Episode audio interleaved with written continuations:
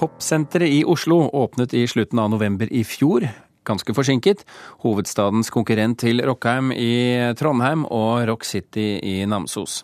Hittil har 4100 besøkende tatt turen, og det skuffer Arbeiderpartiet i Oslo, som har bedt om forklaring på hvorfor. Har du hørt om Popsenteret? Ja. Har du vært der? Nei, jeg har ikke det. Men eh, vi har tenkt å ta en tur dit, da. Jeg, Vet du hvor det ligger? det ligger oppi eh, gamle bryggerier.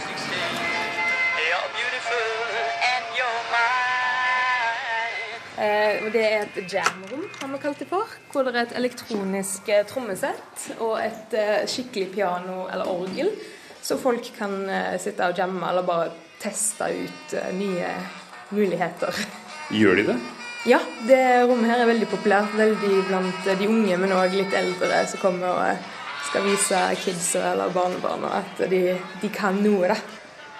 Siden Popsenteret åpnet i det gamle Skaus bryggeri nederst på Grünerløkka i Oslo i november i fjor, har det hatt 4100 besøkende, ifølge Dagens Næringsliv. Da Rockheim åpnet i Trondheim året før, kom det langt flere. Arbeiderpartiets Andreas Halse i Oslo bystyre ble skuffet og har bedt om en forklaring fra kulturbyråden. Nei, Det er jo fordi vi fikk høre at det var litt skuffende besøkstall etter åpninga. Jeg har vært det nå, nå på Popsenteret. og Da må vi rett og slett av, sette oss ned og finne ut av hvorfor har det blitt sånn, og hva er det vi kan gjøre med det. Og så er det jo litt sånn bittert for oss da, å sitte her i Oslo, og vi var irritert over at ting ble, Rockheim ble lagt til Trondheim, og det nasjonale senteret ble lagt dit, og så skulle vi ha vårt eget. og da bør vi klare å vise at vi klarer det minst like bra som trønderne kan.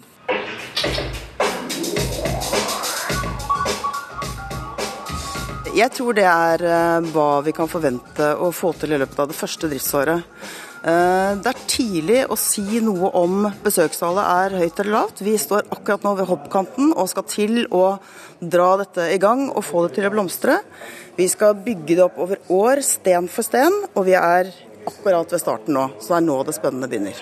Daglig leder i Popsenteret, Inger Bertelsen, tror at det å åpne et opplevelsessenter like før jul, når hovedstaden syder av julete fristelser, er noe av forklaringen.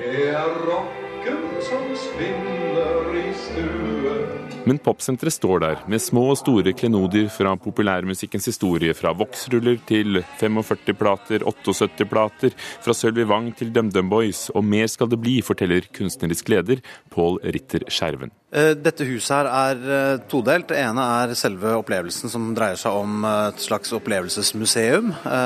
Den er jo relativt fast utstilling. Men det som huset også er, er en arena for arrangementer som publikum kan komme og få være med på quizkvelder eller eh, intervju med kjente personer, kjente artister som kan ha minikonserter. Vi har familiehelg med aktiviteter hvor barn kan lage instrumenter av skrot de har hjemme.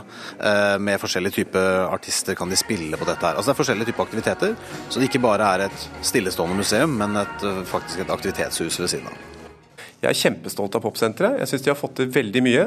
Eh, Jeg har vært der flere ganger selv, og jeg syns det er et fantastisk nytt kulturtilbud i byen vår.